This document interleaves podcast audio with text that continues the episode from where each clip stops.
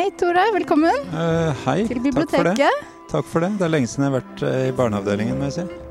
Ja, vi tror vi er på riktig sted. Det ser ut som det er riktig hylle. og Og det er faktisk ganske også. mange utgaver også. Det av den er jo boka vi leter etter. Ja. Det er jo en bok som har kommet i utallige utgaver og med ganske mange ulike illustrasjoner også.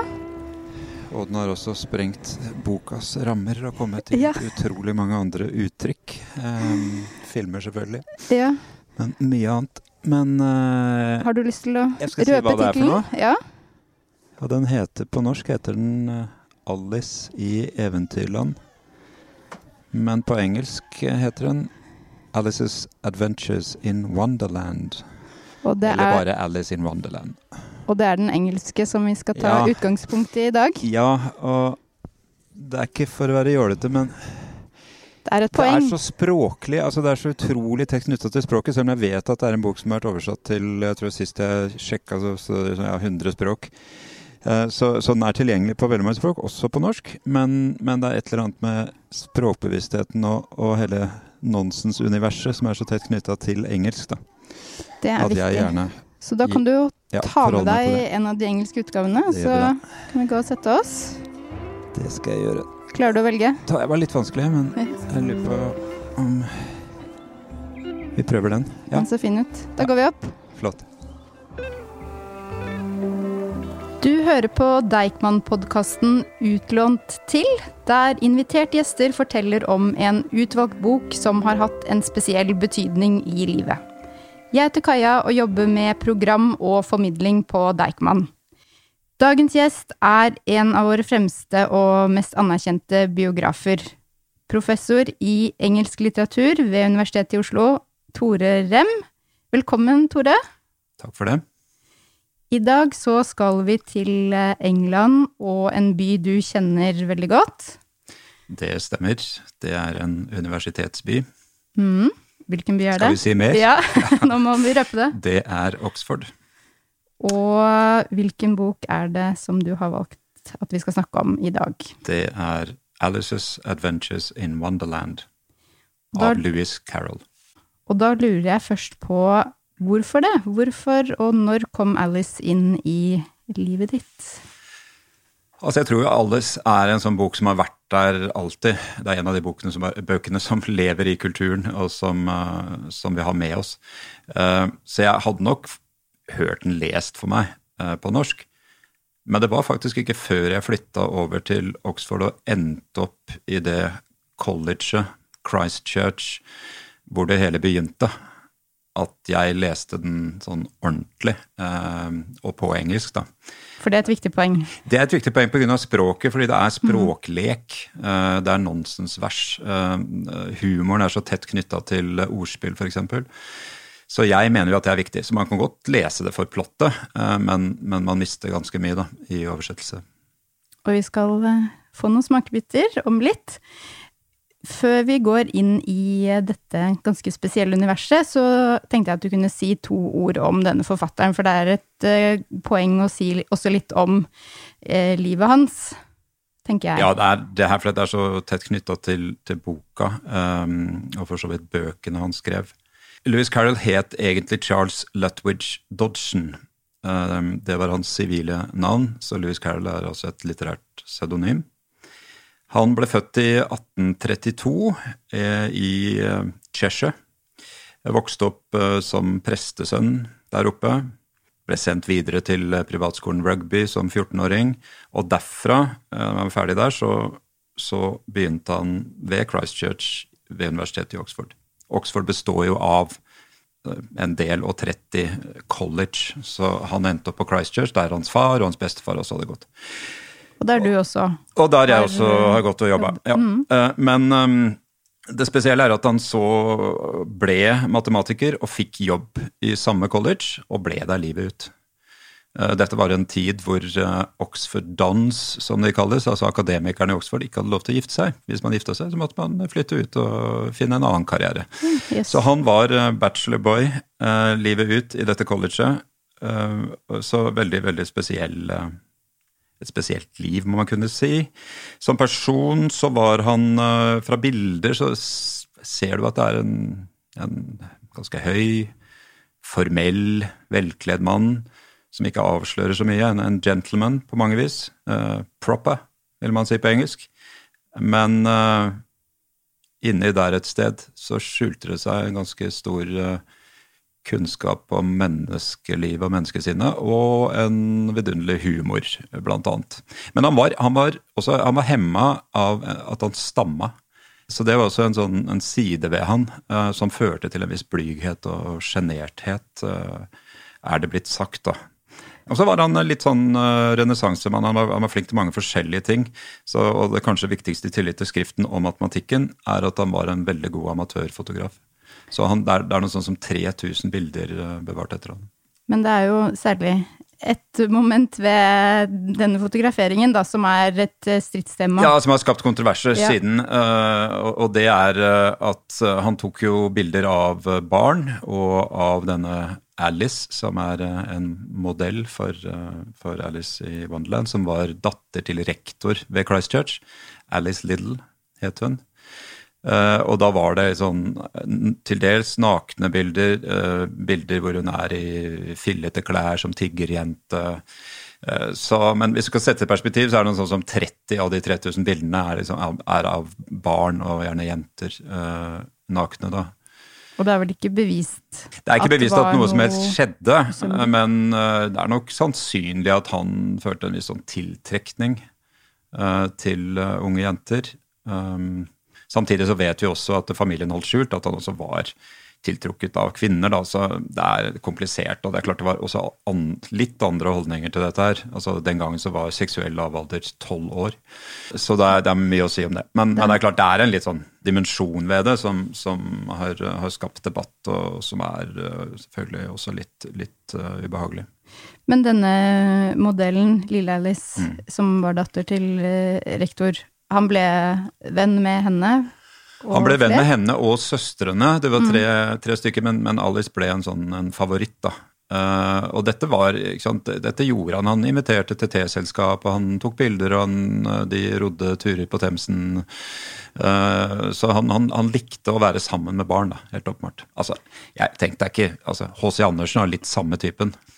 Men det ble et brudd etter hvert mellom familien og Det ble et, på et, et, et, kanskje et år etter at, uh, at uh, denne Eller ja, den viktige turen som ifølge mytologien i hvert fall fører til denne boka, så, så, ble det et brudd hvor det virker som om fru Liddle ikke likte at døtrene var så mye sammen med denne mannen.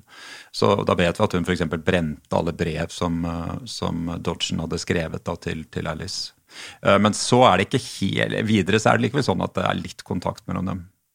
Men akkurat hva som skjedde Det vet man ikke. så Det kan godt hende at ryktet begynte å gå i Oxford. Det er, det er, ulike teorier om det. Det er mange historier knyttet til både han og uh, boka. Og boka, men altså bare, bare, bare kaster inn noe. Altså, mm. Det er mm. også utrolig mye som er knytta til boka. Det er liksom alle slags merkelige teorier, ikke sant? som at det var dronning Victoria som egentlig skrev den.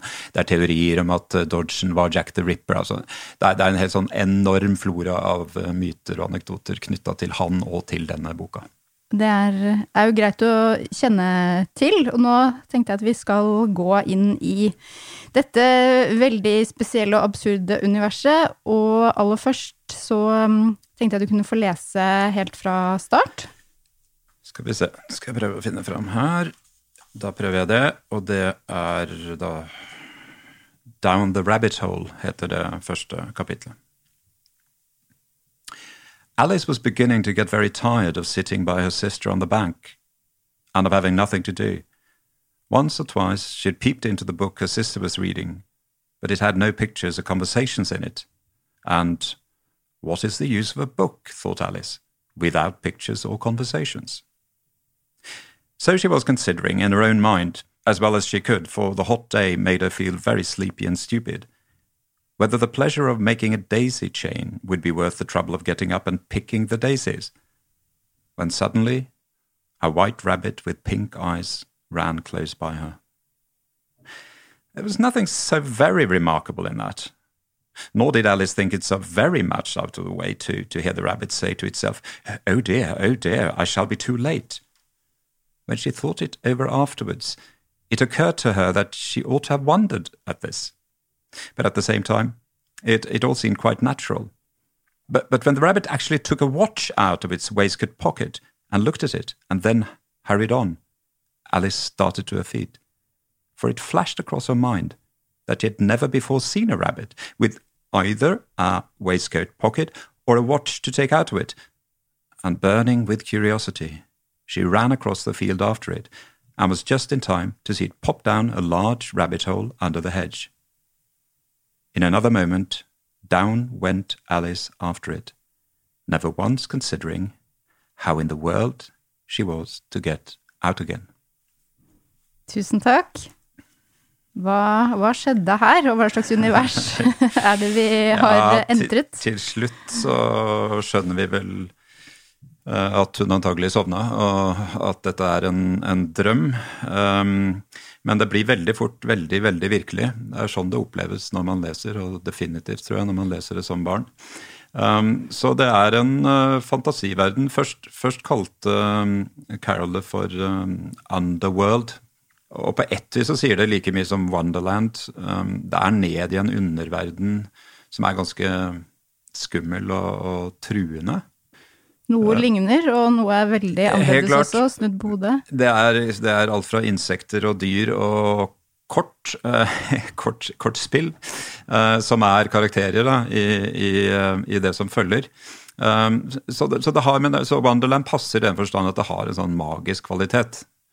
Og så er det denne hvite kaninen da, som leder an, og som dukker opp med jevne eller ujevne mellomrom. Og så varer dette helt til et slags ja, klimaks eh, i det, denne drømmen, eller dette marerittet, hva man skal kalle det. Og så våkner hun opp igjen på bredden, the bank, ikke sant? det er ved elva. Mm. Så det er knyttet til denne Som jeg sa i mytologien, så, så er det én spesiell tur som, eh, som uh, Dodgen gjorde med uh, Lidl-døtrene og en kollega nedover Eller oppover når jeg tenker meg oppover til Godstow. som er sånn, De hadde en pikniktur, og så begynte han å fortelle en fortelling. Og så satte han seg ned og skrev den ut. Det er nok litt romantisert, han brukte nok litt lengre tid på det, men det er i hvert fall en sånn en begynnelse der, da. Det var en slags fortelling om hvordan historien ble ja. til, da. Ja. ja. Og det har jo eh, Eller det finnes jo utallige tolkninger av eh, denne boka og dette universet. Men hvis du skal velge deg ut en hovedtolkning, hva tenker du at Alice in Wonderland først og fremst handler om? Ja, det er jo et, det er et mylder av tolkninger, og det er liksom fra det mest sofistikerte og til de mest crazy eh, freudianske lesningene til Bare for å vise liksom hvor produktiv fortellingen har vært. Så, altså bare sånn Joyce, James Joyce, liksom var totalt fascinert av å bruke Det er masse allusjoner til Alice i Finnegans Wake, et av de vanskeligste mm. litterære ja. verkene i verdenslitteraturen. Uh, så, så det, alt det der er der. Men jeg tror, jeg tror, det går an å bare skrelle det ned litt da, og si at um, det handler om det sårbare barnet. Det handler om å vokse opp. Og det handler om at barnet kanskje for første gang i barnelitteraturen tas alvorlig. Eh, at det er, det er, en stemme der som på et vis er på barnets nivå. Eh, som taler til barnet uten å virke nedlatende, patroniserende. Eh, og det er ingen moral. For denne sjangeren skiller seg vel ganske radikalt fra Veldig, for det, altså det som har vært tilfellet, er jo at i den viktorianske 1800-talls barnelitteraturen så har det, har det, stort sett vært veldig didaktisk. Da. Man har, det er for å lære moral, for å, å måte, lære hvordan man skal agere i det voksnes verden, og helst som en liten voksen. Og det ser du også på Alice. altså Det er noe hun på et vis har um, internalisert også, mm. de verdiene. Så hun forteller seg selv nei, nå må du være fornuftig, og så klarer hun ikke helt å være det. Så, så det kommer også opp, men veldig fort så blir hele den sjangeren parodiert da, innenfor ja. dette universet. Så jeg, jeg, jeg tror det dette, dette, er et sted hvor barnet blir tatt på alvor. Og det betyr ikke at han er den eneste, sånn, men, men, det var jo en, en, dreining. Og det var selvfølgelig et romantisk syn på barnet som slo igjennom, og som var litt i opposisjon til denne, dette didaktiske og til det strenge religiøse og til nyttefilosofien. Uh, og en forfatter som Dickens hadde jo gjort det, men det var i voksenromaner. Selv om man mm. da gjorde barn til hovedpersoner, så var det i voksenromaner. Så her er det en barnebok, helt eksplisitt, som, som gjør det samme på en helt annen måte. da, Og ikke minst med denne nonsens... Uh, absurde humoren også.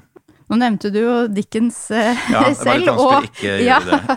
og det er jo en du har tilbrakt mye ja. tid med. Og apropos dette temaet, da, eh, barnet, det utsatte og sårbare barnet i de voksnes verden, så er jo dette et, um, noe som har fulgt deg, og som kan sies å gå som en rød tråd i ditt virke både som litteraturforsker, men også som eh, biograf. Og hvilke tanker har du om at dette kan ses gjennom både ja. biografiene dine og eh, når du skrev det var vel avhandling om Dickens? Ja, det var, det var, det første mhm. jeg gjorde sånn, litt sånn større akademisk eh, da jeg var i Oxford. Var å skrive doktoravhandling om Dickens, som så ble en bok eh, på engelsk. Eh, og det er klart Når du kommer inn i Dickens-universet, så kommer du også inn i barnets verden, selv om det er forferdelig mye annet, og definitivt uh, mye som er skrevet for voksne. Um, men, men, det sies jo i litteraturhistorien så sier man jo f.eks. at Oliver Twist antagelig er den første romanen som har et barn som hovedperson. Og Dickens er jo veldig opptatt av det sånn. Han tar på en måte den impulsen fra romantikken, som er å, å gjøre barnet til noe uskyldsrent. Liksom han tar det, men samtidig så er han minst like opptatt av si, det korrumperende rå ved samfunnet og de voksnes verden. Mm. Så barnet som offer for samfunnsstrukturer og for, og for, en del filosofier, en del tenkning i samtida, som ødelegger barnet. Så han er utrolig opptatt av barnet og av fantasien. At det er mm. noe som ødelegges i den tida han lever i. Så det er klart, det førte meg inn. Så det, det er vanskelig å si hva som er litteratur og hva som er liv, når man har uh, levd et liv i litteraturen, som jeg for så vidt har gjort. Uh, mm. først, ja, også som barn, men, men, definitivt som voksen. Det har liksom blitt livet mitt. Så, så en del av det, den impulsen kommer helt sikkert fra litteraturen. Samtidig så tror jeg kanskje at jeg klarer å forholde meg til uh, den følelsen av um, sårbarhet og kanskje utenforskap gjennom opplevelser fra min egen barndom. Jeg tror ikke det er veldig unikt, men det er sånn jeg var en som flytta rundt en del, og som spesielt i en periode følte at jeg som falt utenfor. Og som kanskje også søkte tilflukt i litteraturen av den grunn. Det er jo avgjørende år, så det er jo ikke så unaturlig at eh, det har vært opplevelser som har fulgt deg og din eh, interesse som litteraturforsker siden. Men den, ja, nettopp det å komme og være den som kommer utenfra og inn, det er jo noe av det som skjer nettopp eh, i, med Alice, da. Definitivt. Og med en annen liten gutt som du har skrevet mye om. Ja. Lille ja. Olav. Lille Olav, ja. ja. Dette er da, Han eh, begynte jo sitt liv som Alexander, men ble mm. raskt Olav og ble kronprins og siden konge. Eh, i Norge. Eh, så det er jo det som har vært mitt store prosjekt de siste sju-åtte åra. Og jeg tenker, jeg har veldig lyst til at vi skal snakke litt mer om det, men ja. um, først så tenkte jeg at du kunne få lese uh, et eksempel på ett av alle disse møtene Alice har med ganske mange spesielle, skumle, truende personligheter. Ja. Og så snakker vi litt om det etterpå, hva ja. disse symboliserer. Det er mange å velge men ja. uh, jeg er veldig glad i The Cheshire Cat, som uh, sitter og gliser oppi et tre som uh, sto utenfor mitt kontor i Oxford. I hvert fall det som ble sagt. Det treet han hadde brukt, som ble planta i 1640 eller noe sånt. Fantastisk tre. Men jeg tror jeg velger meg The Caterpillar, altså larven, ja. som sitter og røker en sånn hookah-pipe. Vær så god. Advice from a caterpillar. The caterpillar and Alice looked at each other for some time in silence. At last the caterpillar took the hookah out of its mouth and addressed her in a languid, sleepy voice. Who are you? said the caterpillar. This was not an encouraging opening for a conversation. Alice replied rather shyly, I, I, I hardly know, sir, just at present. At least I know who I was when I got up this morning, but I, I think I must have been changed several times since then. What do you mean by that? Said the caterpillar sternly. Explain yourself. Can't explain myself, I'm afraid, sir, said Alice, because I'm not myself, you see. I don't see, said the caterpillar. I'm afraid I can't put it more clearly, Alice replied very politely, for, for I can't understand it myself to begin with, and being so many different sizes in a day is very confusing. It isn't, said the caterpillar.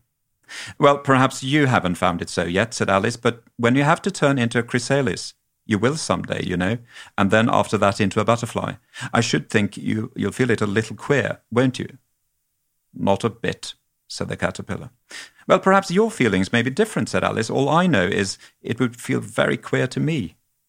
You? said the caterpillar contemptuously. Who are you? Which brought them back again to the beginning of the conversation. Alice felt a little irritated at the caterpillars making such very short remarks, and she drew herself up and said very gravely, I think you ought to tell me who you are, first. Og slik fortsetter det. Og så, veldig raskt Takk. så får hun beskjed om å, å, å resitere et, et, eh, et dikt da, som, som heter Your Old Father William. Og det, bare, det sier så mye, så jeg bare helt uh, kort to korte vers derfra.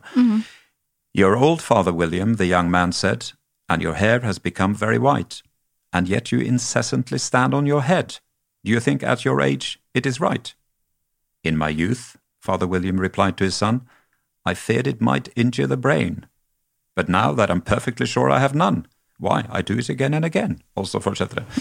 Det er et eksempel på parodi på denne moralistiske eh, litteraturen, da, hvor det ikke sant, alltid var en moral, og her i dette tilfellet er det et dikt fra romantikken som, som, eh, hvor en eldre mann deler av sin visdom, og så snur, eh, helt bokstavelig talt, snur Louis Carroll på det.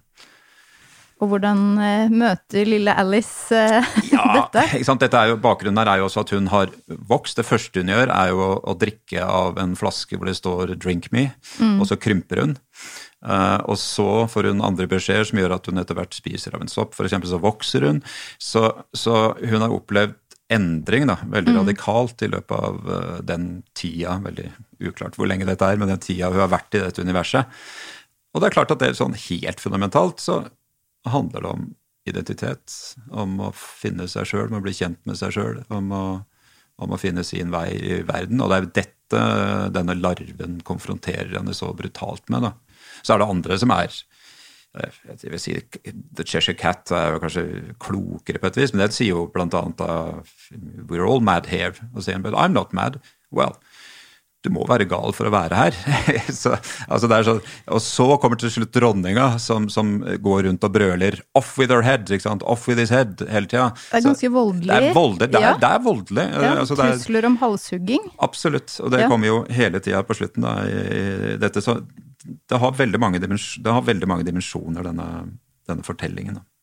Du eh, nevnte jo mm, Alice som både vokser og krymper, og nesten uansett hva som skjer med henne, så er vel det som er eh, veldig karakteristisk for hennes tilstedeværelse i dette universet, er jo at hun skiller seg ut, hun blir lagt merke til, og hun er eh, noe annet.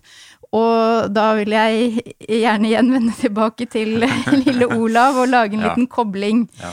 til eh, eh, en du også har tilbrakt Ja. mye tid med. Ja.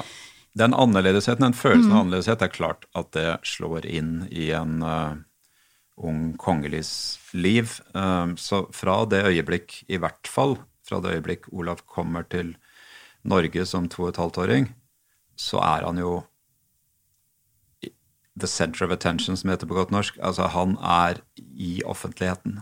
Han er noen Han er en som det stirres på. Han er en som damer som går forbi, plukker opp og nusser på helt til de må stenge Slottsparken, for det, er så mye det er så mye sånn eh, degging, degging med han. Um, og på den kroningsreisen i 1906 så er, det, er det noen vitnesbyrd at han ikke takler han bare begynner å, å strigråte, for det er, det er en sånn enorm oppmerksomhet som dette lille barnet møtes av. da. Og jeg tror helt sikkert at det gjør noe med han. Uh, også fordi han etter hvert forstår at han har sine spesielle utfordringer. Da er det dysleksien, ikke mm. minst. Men også, han blir også veldig blyg, veldig sjenert. Samtidig som han er en person, et barn, som igjen og igjen dyttes inn i offentligheten og er nødt til å være der i rampelyset. Også, Så det er en veldig spesiell menneskelig skjebne. Ja, og han uh, må jo for det aller meste forholde seg til nesten bare voksne. Det er særlig et bilde som du har eh, ja, referert til, som er veldig talende. Et bilde det, som er et av de mest gripende bildene, syns jeg, fra hans barndom. Da, som er, hvor du bare ser, eh, Han hopper tau, og så er det en gardist som står. og så skjønner du, Den andre er ikke med på bildet, men du skjønner, det er to gardister som står og slenger dette tauet for den lille gutten. Så han har ikke barn rundt seg, han har voksne rundt seg. Og på et vis er det også noe Et, et tema jeg leser, er jo Hun kommer inn i en verden som er styrt av regler. Voksnes regler er umulig å skjønne dem. Det er klart Han befinner seg også i en voksen verden. Han ble også veldig tidlig veslevoksen. Og, og de som kommer tettest på han utenfra, den første privatlæreren på Slottet og idrettslæreren hans, de kommenterer med en gang. Han, han, han, han er ikke nok barn. altså han, trenger barn rundt seg. Men hvordan eh, mener du at han forholder seg til, eh, til denne oppmerksomheten som at han blir liksom betraktet og sett i alt han gjør. jeg tror det fører til en dobbelthet. Altså det, det, fører til at de, det vi har av ærlige vurderinger av hvem han er som barn og ung, eh, som ungdom, er en veldig sjenert og blyg gutt. Men så er det også noen beretninger om at han er veldig selvbevisst. Eh, at han kan kommandere de andre rundt. Mm. egentlig. Nå, nå blir det kanskje flere paralleller enn jeg hadde trodd, men det, dette gjør Alice også. Hun blir etter hvert ganske myndig. Ja. I sluttscenen så tar hun kontrollen og sier nonsens. Ja. Ikke sant? Når dronningen roper videre om, om at hoder skal kuttes av osv., og, uh, og at uh, det er jo en rettssak. Så, så, hun blir ganske bestemt, hun også. Og det har han. Det er en, en av mine favorittanekdoter mm. om Olav som barn. og Det er vel elleve eller noe sånt. og da, da er denne idrettslæreren som er uh, ute på tur med den de første gangene og kjører i slede. Og så kommer det til trikken, Holmenkollbanen, og så rekker den lille gutten opp armen og stopper trikken. det, er en litt annen trikkescene enn den vi kanskje kjenner best ja. det berømte trikkefotografiet. Ja. Men talene, kanskje? Men talene, ja. hva slags barn han var. Mm. Når du har uh, jobbet med og skrevet om, uh, om Olav, er det lov å spørre om du har kunnet kjenne deg igjen i denne lille gutten. Altså, første bind heter vel Den fremmede, gjør ja, det ikke det? det heter Den fremmede. Ja. ja. Altså, jeg tror den type sårbarhet som du kan se der, den, den tror jeg er den er universell, um, samtidig som man kan knytte sine egne erfaringer til det. Mm. Så, så, den liksom, følelsen av utenforskap, som hadde helt andre former for meg uh, Jeg var ikke um, barn av en uh, dansk prins og en engelsk prinsesse og, Nei, uh, og så videre. Men det, det er en annen, annen type fremmedhet. Ja. Men, men, likevel, det handler om å være innenfor og utenfor. Og, mm. og, og det, det, mener jeg at jeg helt klart uh, kunne forholde meg til, da. Men eh, det er en liten artig kobling mellom både deg og Carol og kronprins Olav, som jeg ikke var klar over før jeg leste litt og forberedte meg til samtalen vår. Alt henger sammen med alt. Ja, nettopp. Ja, det er litt morsomt, fordi uh, Olav, som jo da var halvt engelsk, han endte også opp i Oxford. Og tilbrakte faktisk to år av livet sitt der som ungdom. Um, og var utrolig glad i den byen og vendte tilbake igjen og igjen livet ut. Veldig fin kobling, det syns jeg. Tusen takk. Og takk for at du tok eh, turen til eh, biblioteket, Tore. Og takk til deg som har eh, lyttet til Deichman-podkasten Utlånt til. Boka vi har snakket om i dag, er Alice in Wonderland av Louis Carroll. Og den kan naturligvis både lånes og leses på biblioteket på norsk og på engelsk.